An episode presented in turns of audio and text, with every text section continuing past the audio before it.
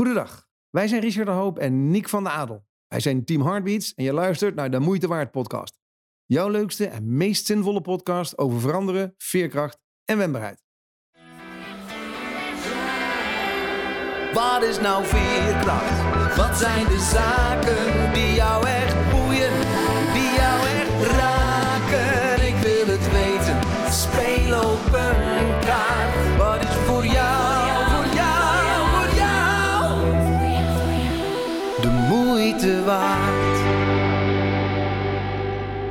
Ja, en bij mij in de studio vandaag is Nicole Solleveld. Eh, niemand minder dan nou, allereerst een hele goede vriendin. Eh, tweede ook nog ehm, oprichter en eigenaresse van Your Connector. Waar ze zich um, bezighoudt met leiderschap, met talentontwikkeling. En misschien nog wel veel meer waar we het vandaag over gaan hebben. Wonend te Rotterdam. En uh, ben je daar vandaag ook helemaal vandaan komen rijden? Of kwam je ergens anders vandaan? Ik kom helemaal rijden vanuit Rotterdam. Oeh, en, en uh, misschien wel uh, nog enigszins uh, leuk om erbij te vertellen. Ja, ik ben niet de enige met een beetje een dikke buikje hier vandaag in de studio. hey, ook dat nog. Hoe, hoe is het vandaag trouwens? Hoe voel je je? Ik voel me vandaag heel erg goed. Ja? Tussen 23 weken zwanger van mijn tweede kindje. Maar ja, ik voel me echt heel fijn. Wat, uh, wat lekker. Hey, en en uh, ik vroeg je straks al van, je had de podcast alles wat, wat eerder gehoord. En, uh, en we zaten hier vandaag voor te, voor te spreken. Geloof ik allebei ook nog wel, wel, wel zin, in dit, zin in dit gesprek. Ik ben wel eens nieuwsgierig. Als ik jou nou eens gewoon privé, dus nog geen eens als, als eigenaresse van of ondernemer, vraag dat woordje veerkrachten. Heeft dat nou heeft dat een grote rol überhaupt in je leven? Ja, veerkracht heeft uh, voor mij een uh, hele grote rol in het leven. Um, eigenlijk misschien een beetje waar wij het net al met elkaar uh, in ons voorgesprek ook over hadden, mm. is, ja, weet je, we maken natuurlijk van alles mee in het, in het leven. Um, mooie dingen, maar ook dingen die zwaar zijn of dingen die angstig zijn. En dit is heel erg de kunst van, ja, hoe ga je daar dan mee om? En ik probeer eigenlijk toch altijd wel heel erg te kijken van, ja, hoe kan ik hem positief voor mezelf ombuigen? Kan ik ook echt meegaan hè, met de stroming van het leven? Um, dus ik denk dat ik daarin, nou ja, op een natuurlijke manier ergens al veel bezig ben met veerkracht, veerkrachtig zijn. Ja, en, en is dat, want je noemt het net, um, je noemt het net ombuigen. Is dat, is dat uh, dus als er iets negatiefs gebeurt, dat je het uh, nou, positief probeert te maken? Of zit het bij jou ook veel in het, in het, uh, in het accepteren dat het gewoon zo is? Dat het, dat het, ja, het accepteren dat het gewoon zo is. En echt meegaan met, oké, dit gebeurt er. We kunnen er tegen vechten. Of we laten het er gewoon zijn. En we kijken wat we daar weer van kunnen, ja, kunnen leren.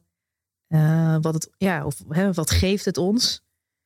Uh, in plaats van het gevecht aangaan met wat er op dat moment plaatsvindt.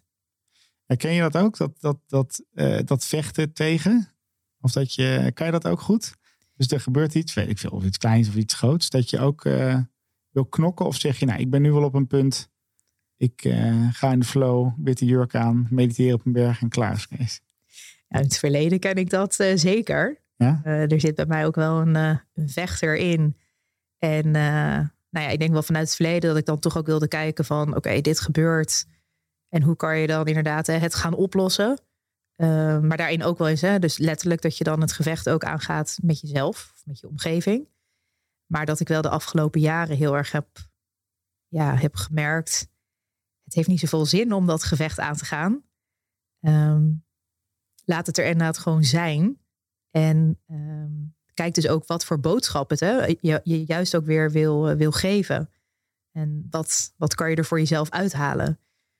Dus ik kan nu inderdaad rustiger zitten um, en ernaar kijken. Maar natuurlijk zijn er wel eens momenten dat je ook even dat het toch weer even zwaar is. En dat je natuurlijk dat, dat, dat nou ja, het oude ingaat door, door wel het gevecht aan te gaan. Ja. Maar ik denk dat je sneller bewust bent door nu te zien, hé, hey, ik ben aan het vechten. Of het Hm. doet iets hè, met, je, met, je, met, je, met je lijf. Waardoor je sneller bewust bent om ook weer even, dus letterlijk stil te gaan zitten. En te gaan voelen van, hé, hey, maar wat heb je nodig? In plaats van vechten tegen. Ja. Ja, het, wel, ehm, ook, ook die hebben we straks wel geraakt. Hè? Dus of het nou merk dat nu ook wel om ons heen. Wanneer je deze podcast ook maar aan het luisteren bent. Maar ik merk nu ook al om me heen het vechten tegen. Nou, er komt, ik denk dat er wel een roerige tijd aankomt. En met, met roerig bedoel ik nog geen eens negatiever. Maar of het nou uh, een energiecrisis, of de klimaatcrisis, of de Oekraïne-crisis, of de coronacrisis, of een kilocrisis. Uh, allemaal crisissen die, er, die eraan komen. Um, en het is dus, ben ik nu al aan het vechten tegen hetgeen wat er gaat gebeuren? Of, of lukt het me nu ook al om te, uh, te voelen dat ik, dat ik weet dat ik het straks aan kan, bijvoorbeeld? Of wat er ook gebeurt. Ik weet dat ik nog gelukkig kan zijn in, in, in ook een iets mindere situatie. En um, de luisteraars nu hier, die weten wel dat, dat ik inmiddels in een rolstoel deze podcast op zit te, te, op zit te, te, te, te reutelen. Um, kan, je, kan, je eens een, kan je ons een inkijkje geven in um, waar jij veerkracht nodig hebt gehad de laatste jaren? Uh, in, het, in het wondere wereld van Nicole Solveld. Ik weet het wel, maar ja, de luisteraar natuurlijk nog niet. Ja, dat, uh, dat kan ik zeker. Um, nou, ik denk op twee gebieden. Je hebt natuurlijk enerzijds heb je de, nou ja, waar we het eigenlijk net met elkaar ook over hadden, de zakelijke kant. Ja. Van, hè, je kan mooie tijden hebben in de economie of in de wereld. Uh, maar er kunnen ook inderdaad pittige tijden zijn. Nou, ik denk toen uh, Your Connector begon, was dat ook een tijd van hè, start van financiële crisis. En nu, hè, wat je aangeeft, ja, zitten we inderdaad weer in, nou ja, zeg maar, we weten niet hè, wat er precies allemaal gaat gebeuren, maar we zitten wel, hè, er komen gewoon roerige tijden aan. En tegelijkertijd heb je natuurlijk ook je privé-situatie, die daarin ook weer zijn, uh, zijn, zijn, zijn mooie en zijn zware kanten daarin uh, in kent. En en ergens loopt dat natuurlijk voor ons, hè, als, als ondernemers, loopt dat een soort van door elkaar heen, hè, dat werk en, en, en privéleven. Ja. Alleen als ik zelf kijk, um, nu nou, precies drie jaar geleden, ja, dan kom je opeens thuis en dan krijg je opeens te horen dat, uh, ja, dat je man leukemie heeft. En dan merk je wel van, hey, dat is een ander soort trigger hè, die er dan op dat moment plaatsvindt, omdat er bijvoorbeeld zakelijk iets natuurlijk niet goed gaat. Mm. Um, nou, en ook daarin merk je van, uh, als je natuurlijk met zo'n nou ja, heftige ziekte wordt geconfronteerd. Ja, dat kan twee kanten opgaan. En hoe ga je daar dan mee om? Maar ik heb daarin wel echt gemerkt dat ik, nou ja, denk ik wel heel veel veerkracht heb laten zien de afgelopen drie jaar. Ja. Ja. Ja, en, en, en kan je die eens, uh, ik ben wel nieuwsgierig, kan je die eens toelichten? Want je zegt net, het kan allebei de kant opvallen. Um, en daarmee bedoel je denk ik het, het letterlijk, het kan nog even duren, het kan nog heel lang duren. En het kan ook zijn dat het afgelopen is, binnen wat voor een periode dan ook. Um, maar die, dat is even een aanname hoor, die ik doe, of je dat net bedoelde. Uh, en als je zegt, ik heb wel wat veerkracht laten zien, is dat dan... Uh, ja, kan je eens toelichten? Want is dat, is dat omdat, omdat je, als je slecht nieuws krijgt, of, of moet je dat samen doen? Of hoe? Nou, op het moment dat je opeens hoort hè, dat de dokter zegt... Uh, nou ja, uw man heeft leukemie. Um, ze wisten er nog niet zoveel af. Dus we kregen een of ander blaadje mee waarop een, uh, nou ja, een tabelletje stond met een levensverwachting. Nou ja, en we ongeveer eruit konden gaan dat dat vijf jaar was. En hm. Dat we eigenlijk net aan kinderen wilden beginnen. Ja, want je had Julius nog niet, toch? Ik had Julius nog nee, niet. Nee. Maar we hadden wel een wens om, uh, nou ja, we hadden eigenlijk net besloten, we willen wel aan kinderen beginnen. En je krijgt dan het verhaal te horen nou ja, zet dat maar uit je hoofd. Dat kan niet meer. Uh, want er is een grote kans dat er een erfelijkheidsfactor in zit. Mm. Ja, dan stort je wereld op zo'n moment natuurlijk wel heel erg in. Want dan denk je, hey, we zijn begin 30. Staat in de bloei van je leven. Uh, en hoe lang duurt dat leven dan samen nog? En uh, hoe gaat dat eruit zien hè? als je opeens nou ja, een hele sterke kinderwens hebt, maar die kinderwens mag er misschien niet zijn. Dus op dat moment staat wel echt je wereld heel erg op zijn kop. Uh, en ben je natuurlijk heel erg aan het kijken van. Ja, wat houdt überhaupt hè, deze ziekte in? En, uh, en hoe gaan we, wat gaan we doen de komende tijd? En enerzijds word je zelf een rollercoaster ingetrokken, natuurlijk van allemaal uh, ziekenhuisbezoeken, ja. onderzoeken die plaats moeten vinden, onzekerheid. Maar eigenlijk vanaf moment één hadden wij ook zoiets. We willen niet alleen maar hè, dat we afhankelijk zijn van de arts in het ziekenhuis. Maar wat kun je ook zelf doen? Um, dus daarin wil je toch ook een beetje in, nou ja, aan het roer staan en denken van je eigen reis daarin. Dus zijn we ook heel erg gaan onderzoeken van, nou ja, ook zelf van, hè, wat houdt dit dan precies in? Dus heel veel wetenschappelijke studies ook gaan lezen. Nou, ik moet zeggen, in mij werd ook wel uh, de activator ge uh, geactiveerd. Ja. Door ook gelijk te kijken, oké, maar um, waar kunnen we de beste arts vinden? Uh, wat voor andere medicijnen zijn er wellicht? Ja. dus uiteindelijk nou, ben ik in een hele korte tijd erachter gekomen dat de beste arts, de hematoloog ter wereld, in Engeland zat. Dus ik zei, dan gaan we daar naartoe. Uh, maar ja, hoe regel je dat dan? Nou ja, uiteindelijk is dat gelukt. En zijn we, denk ik, twee maanden later naar uh, Londen gevlogen. Om daar dus ook, ja, ook gewoon ja, met de beste arts te spreken. Om ook te kijken van, ja, welke mogelijkheden zijn er? In plaats van dat je natuurlijk alleen gaat kijken naar, nou ja, misschien het standaard protocol wat daarin uh, normaliter wordt gehanteerd. Ja. En wat ik zelf heel prettig vind, is dat je dus ook zelf zeg maar wel wat um, ja, actie kan ondernemen. In plaats van dat je het soort van over je heen allemaal laat, laat komen. Hm. Dus misschien wel mooi wat jij net zei. Hè? Misschien wat ik wel in het begin ook wel een beetje in dat gevecht zat. Dus om ook echt van. Ik kan dit er, ergens niet accepteren. Van waarom is dit er? Dat steeds eigenlijk de afgelopen eigenlijk jaren. Um, er veel meer naartoe bewogen is dat je dat, dat we eigenlijk mee zijn gegaan ook met wat er op dat moment is. Um, maar dat is wel echt een proces. Ja. Ja, en, en wel, dat vond ik het mooie uh, toen je dat net vertelde. En ik word het wel bewust. Het voelt alsof je nu ook wel uh, zo de eerste, ik weet niet of het een eerste actie was, maar dat je wel bewust aan het roer bent gaan staan. Dus bij jou was dat het opzoeken van de arts of wetenschappelijke artikelen. Voor een ander is dat misschien iets heel anders. Hè? Maar je hebt wel een keuze gemaakt om bewust aan het roer te gaan staan. Zo. En dat vind ik wel een, uh, het vind wel een hele, hele mooie. En waar ik nog aan moest denken ook. Uh, ik, ik uh, drie, drie jaar geleden inmiddels was ik zo aan het afbouwen van mijn medicatie. Dus ik ben toen van 40 pillen naar, naar 10 gegaan in een hele lange tijd. En wat ik toen voor het eerst heb geleerd is dat dus iets leren over mijn pijn. Dus letterlijk boeken lezen, artikelen lezen, cursussen volgen. Uh, dat dus iets weten letterlijk ook een medicijn is tegen de pijn. Dat vond ik echt een prachtig inzicht destijds.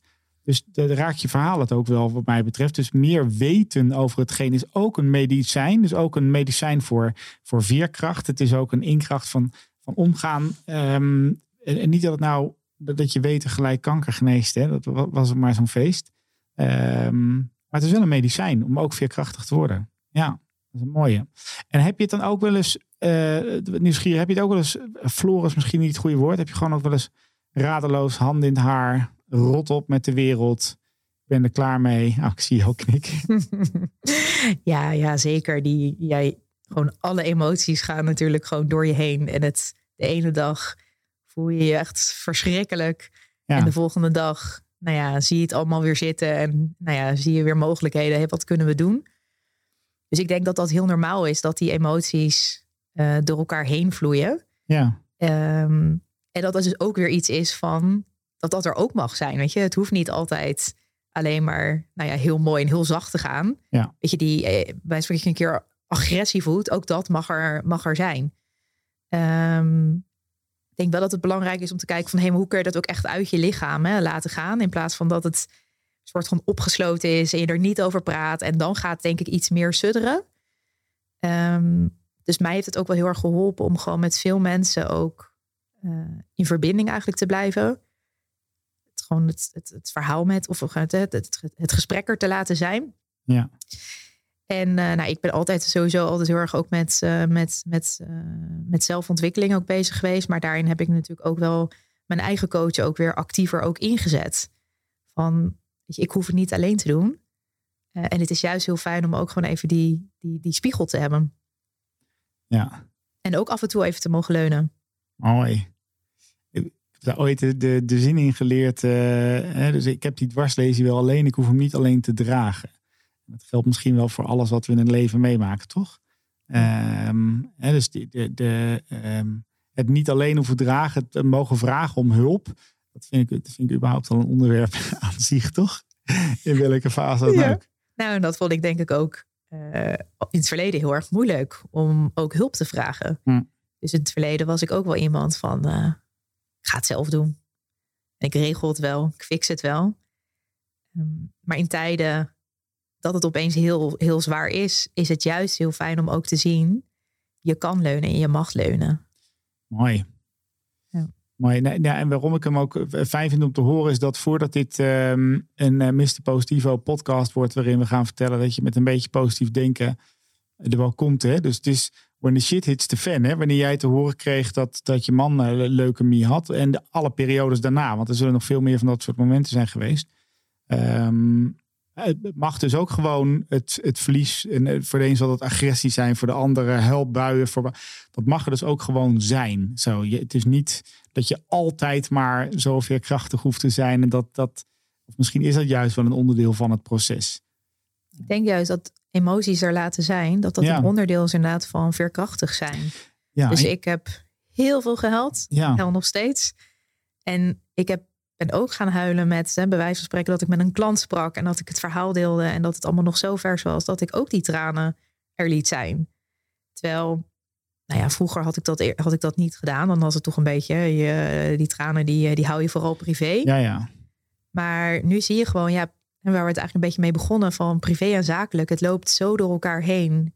En het is zo'n grote gebeurtenis.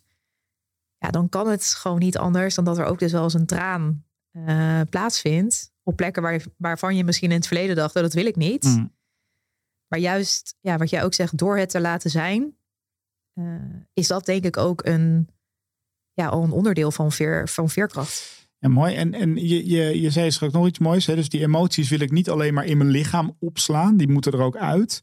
Ehm, dus, dus buiten wat er zeg maar met, met haaien gebeurt. We maken meer dingen nog mee in het leven. Hè? Die dan wel heel klein, dan wel heel groot. Ehm, en, en je zei één ding om ze eruit te krijgen. Dus met andere mensen praten. Heb jij nog meer dingen die voor jou helpen? Om dat dus ook letterlijk uit je lichaam te krijgen. Ja, wat voor mij heel fijn is, is, eh, is mediteren of visualiseren. Oké? Eh, dus dat is inderdaad of, eh, nou ja, dan misschien niet op die berg eh, Nou ja, ja. In het buitenland zitten. Maar ja. eh, eh, ja, dat is natuurlijk al simpel door bij spreken een kussen in je slaapkamer neer te zetten en gewoon te gaan zitten. Ja.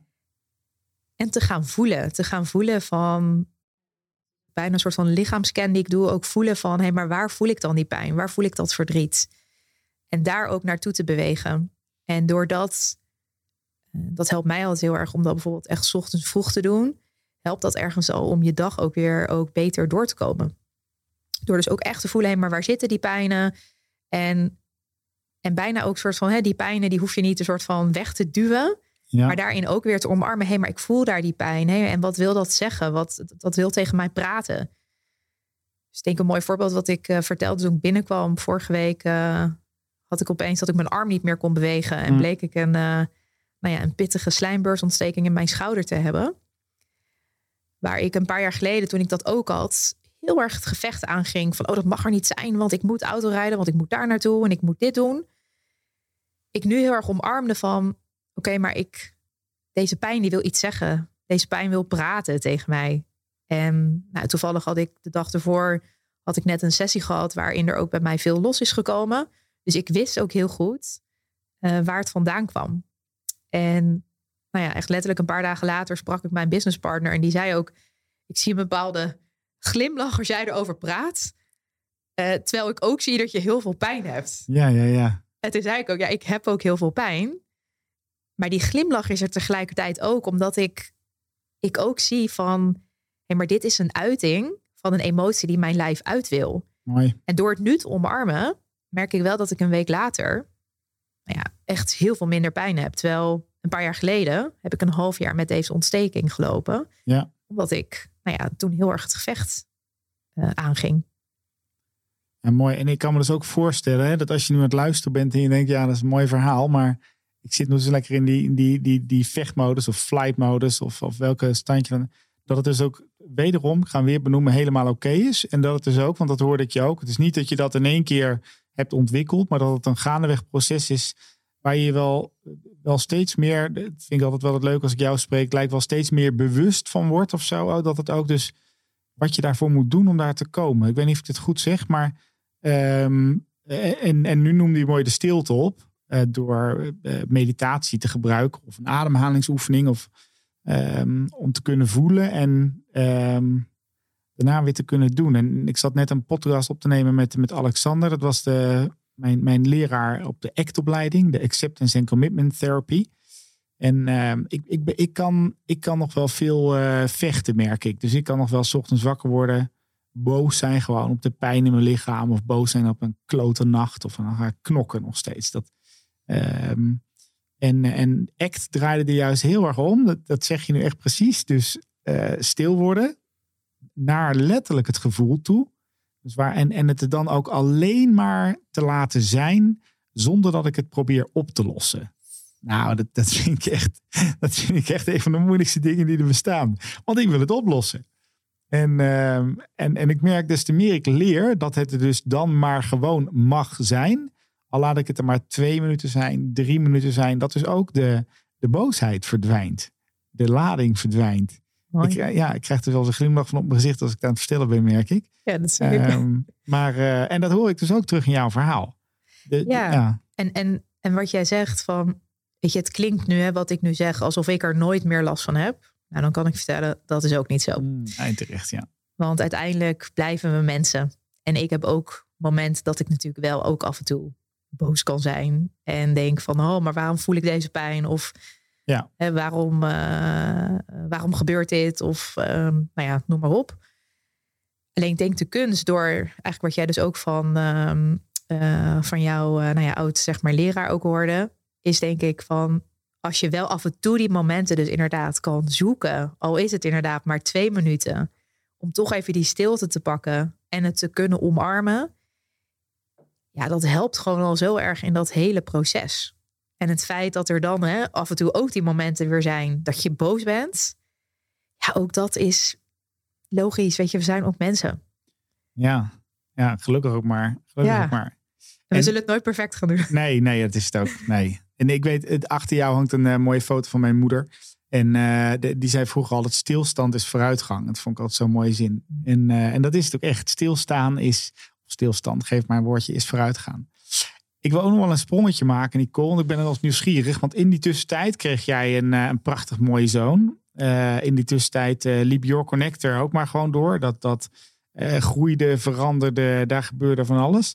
En je hebt dan ook nog een heel turbulent, uh, dat, weet ik niet of dat zo is trouwens, maar het klinkt als ook nog wel een turbulent thuisleven, waarin er ook nog van alles gebeurt. Um, hoe heb je dat in hemelsnaam weten te combineren met elkaar?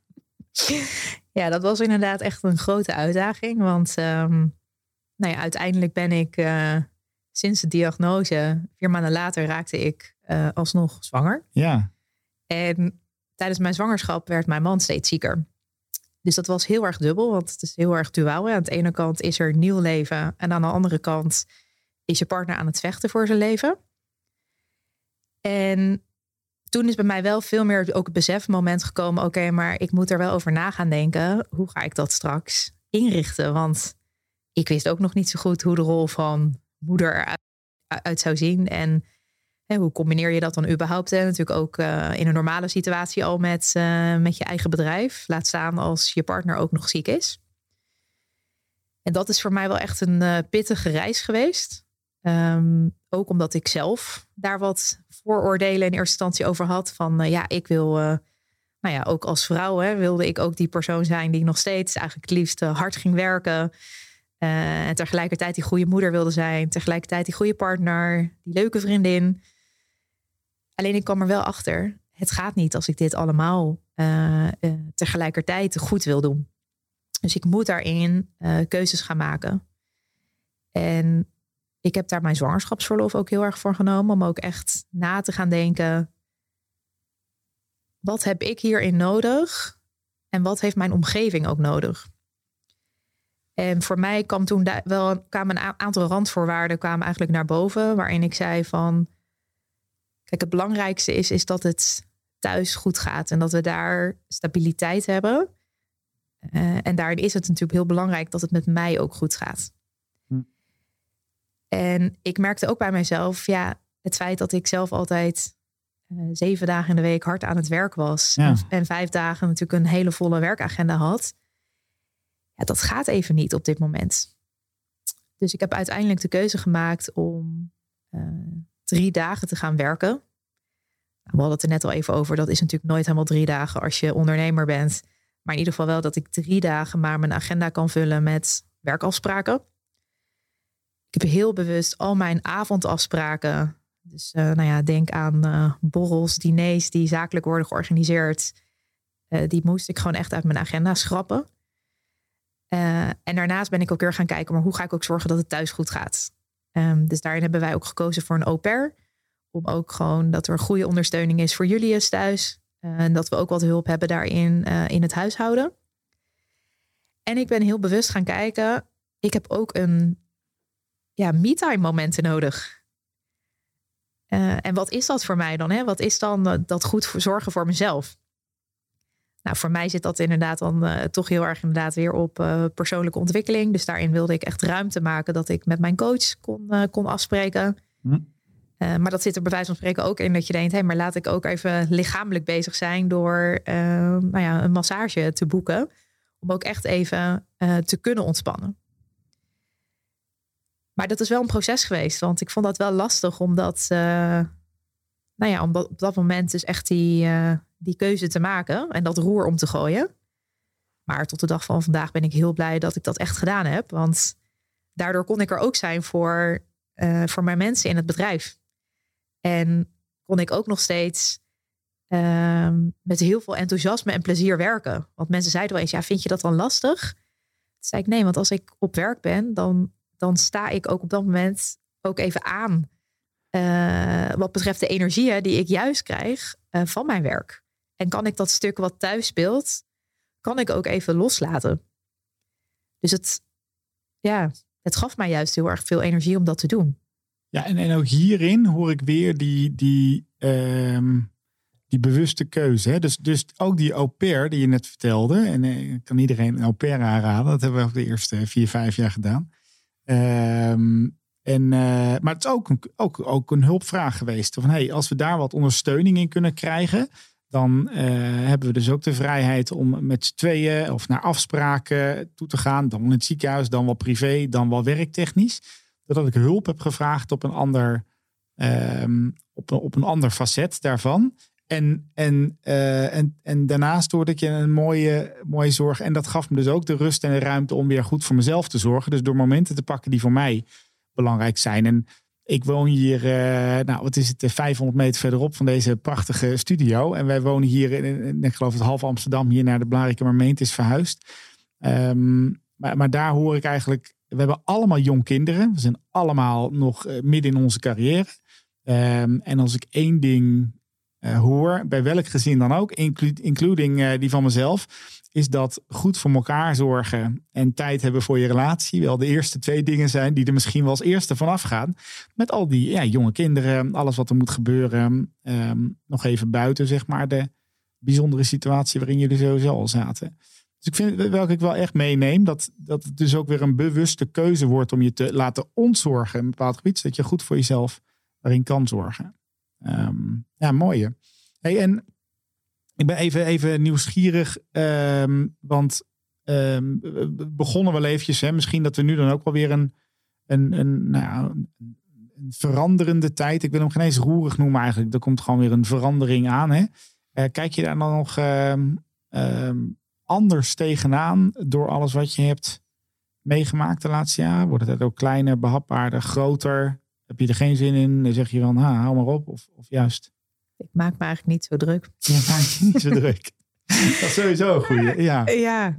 Ja, ik denk wel door, door zoiets groot wat je in, ja, als het gaat om gezondheid meemaakt. Nou ja, jij weet dat natuurlijk als geen ander.